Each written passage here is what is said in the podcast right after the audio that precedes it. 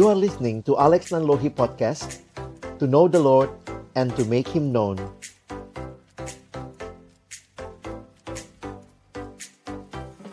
Mari kita berdoa sebelum membaca merenungkan firman-Nya.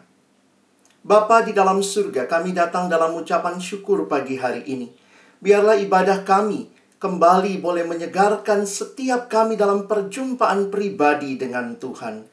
Bukan sekadar rutinitas, tetapi di dalamnya kami boleh kembali menikmati setiap bagian dan juga firman yang akan kami dengarkan. Kami percaya firman-Mu adalah firman yang hidup dan yang menghidupkan.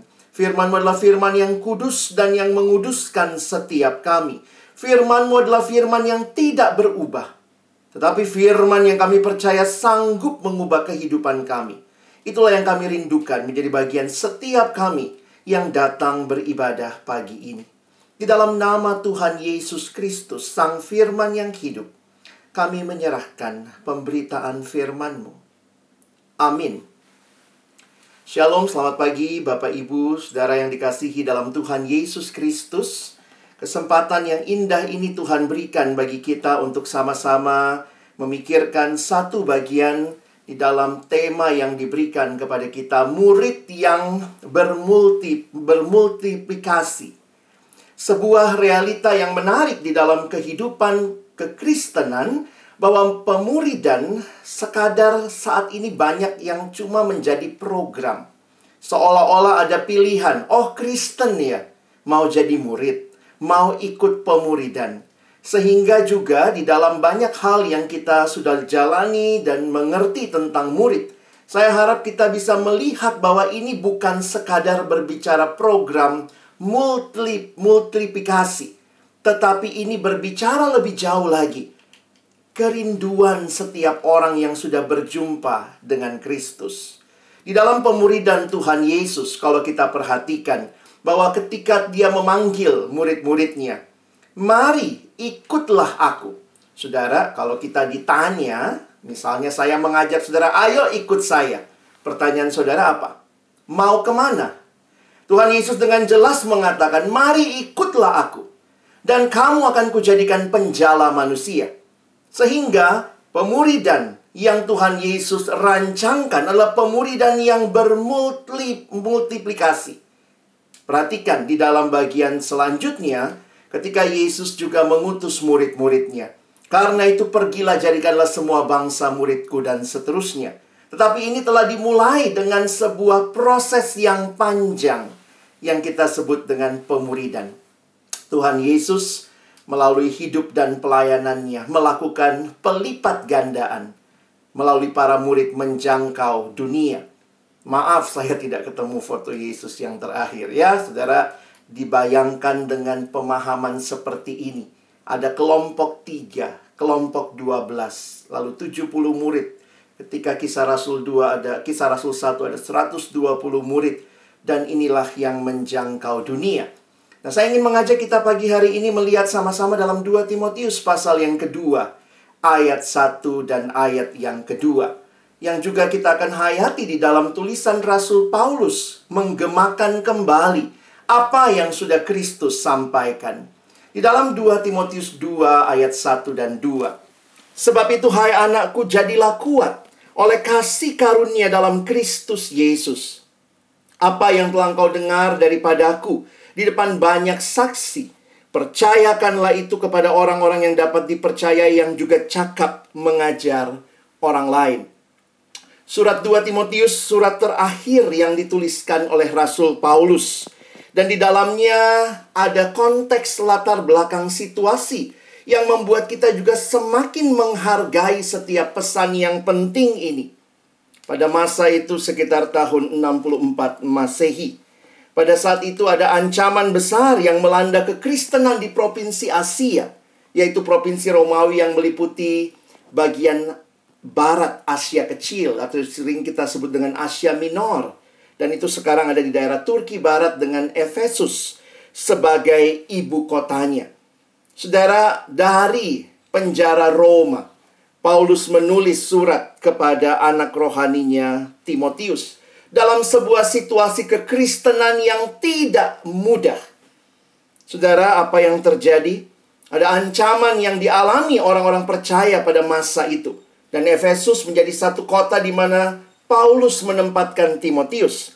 Ada ancaman dari luar, yaitu berupa penganiayaan dari pihak-pihak yang memiliki kebencian terhadap Tuhan Yesus dan murid-muridnya. Dan menarik, kebencian ini bukan karena perilaku mereka tidak benar, justru karena hidup saleh mereka. Mereka mendapatkan cemooh dan juga bahkan aniaya.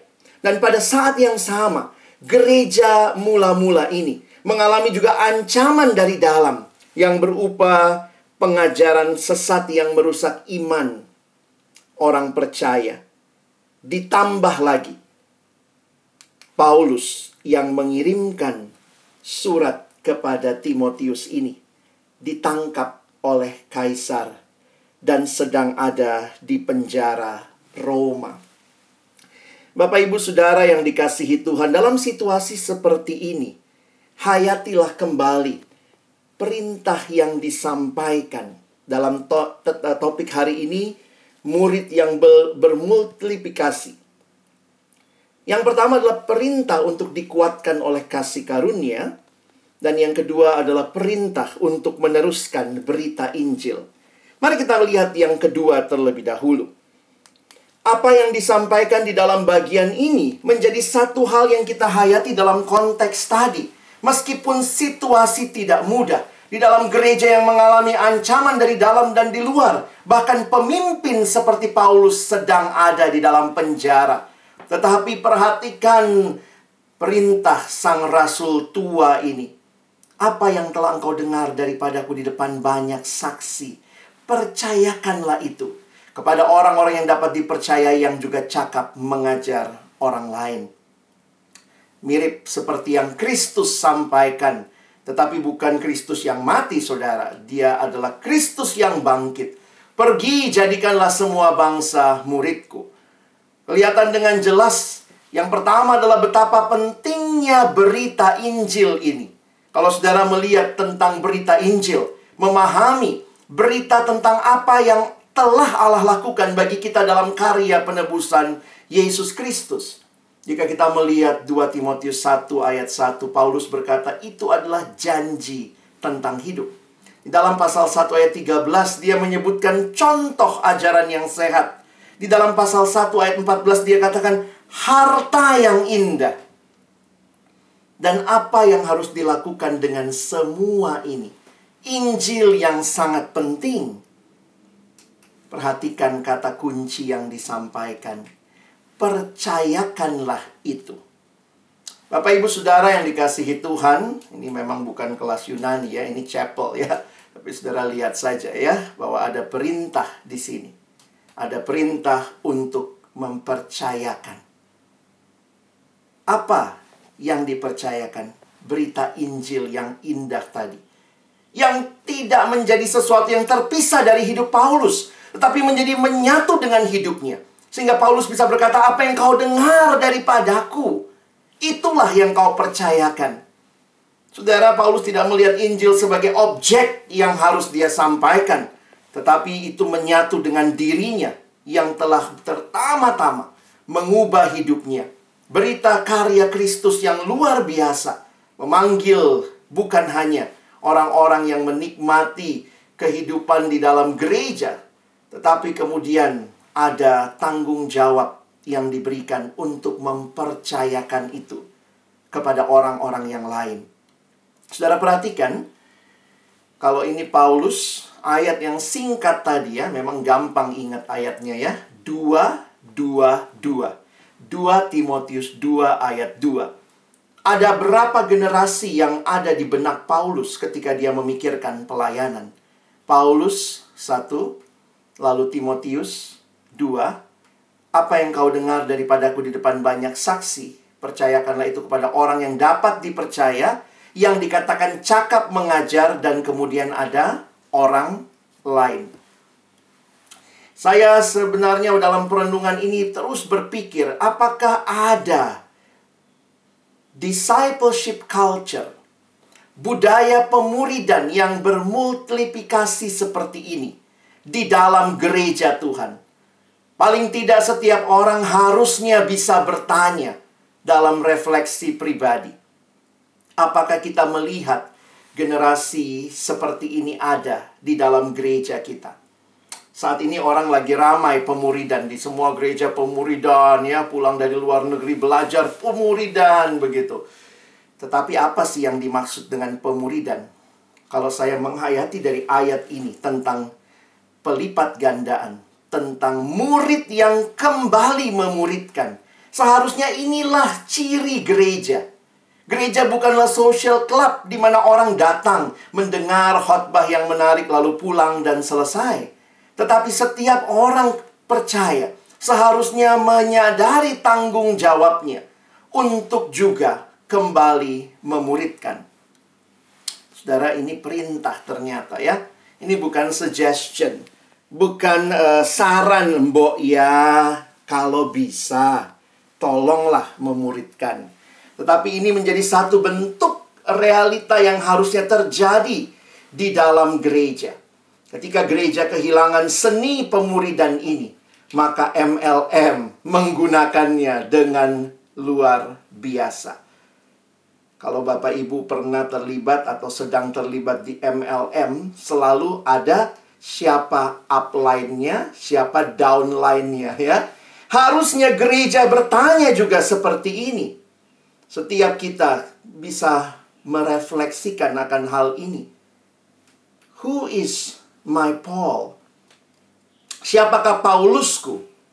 Dan juga bertanya, Who is my Timothy? Siapakah Timotiusku? Who is my Paul? Saudara bisa sebutkan? Kalau saudara bisa menyebutkan, mari ambil waktu sebentar. Doakan Paulus-Paulus yang Allah pakai bagi saudara. Membawa saudara kepada Kristus. Tetapi ingat itu tidak berhenti sampai di situ.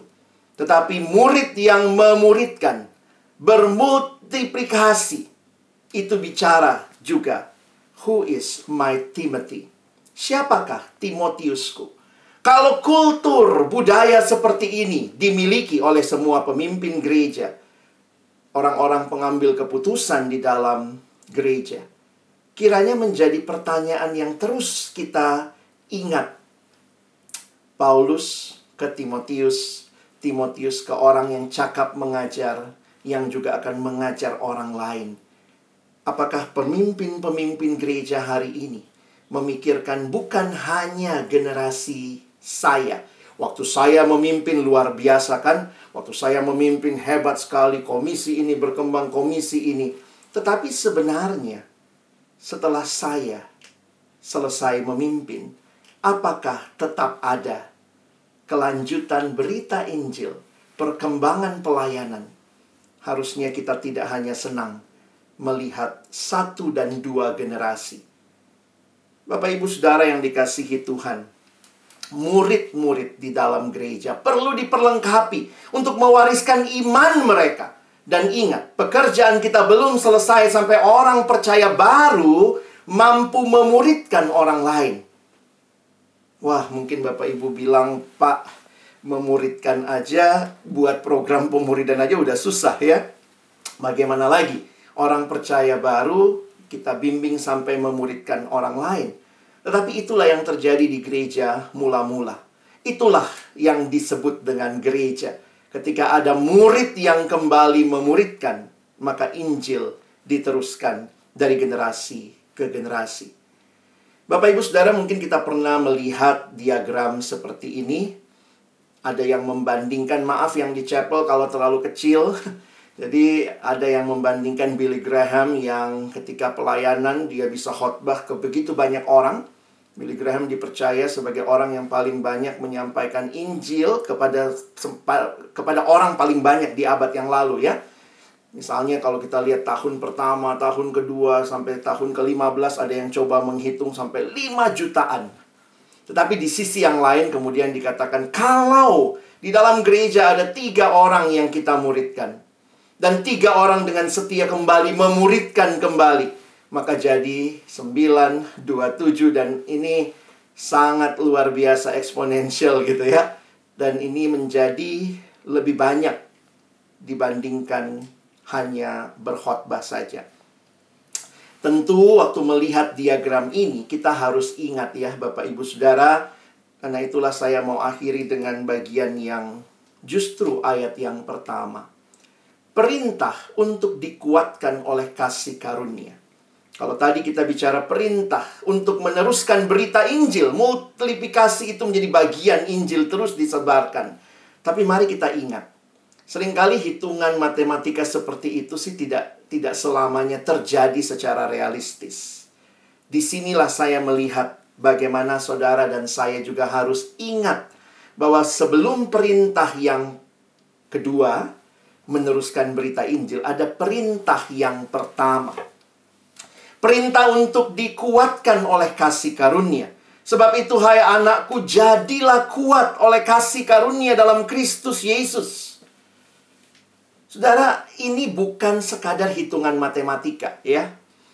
Dan di situlah saya jadi sadar yang penting sebenarnya bukan cuma hasilnya semata-mata karena itu se semuanya di tangan Tuhan pada akhirnya, tetapi proses yang kita lewati. Dan di dalam proses itu, jadilah kuat oleh kasih karunia dalam Kristus Yesus. Ini adalah panggilan bagi Timotius untuk mengandalkan kekuatan dari Allah Bahkan ketika dia harus meneruskan berita Injil itu di tengah situasi yang tidak mudah. Trusting completely in Christ and His power. And not trying to live for Christ in our strength alone. Receive and utilize Christ's power. He will give you the strength to do His work. Pekerjaan Allah bukan hanya dilakukan dengan strategi dan cara Allah, tetapi juga dilakukan dengan kekuatan yang dari Tuhan Our strength is derived. Our strength is not how long we have been Christians, in how much we know about the Bible, or in how long we have been in ministry. Please keep in our mind, ingat baik-baik, our strength, this very moment, is in the grace that is in Christ Jesus. Itulah kekuatan sejati kita yang saudara dan saya alami karena kita ada di dalam Kristus Yesus.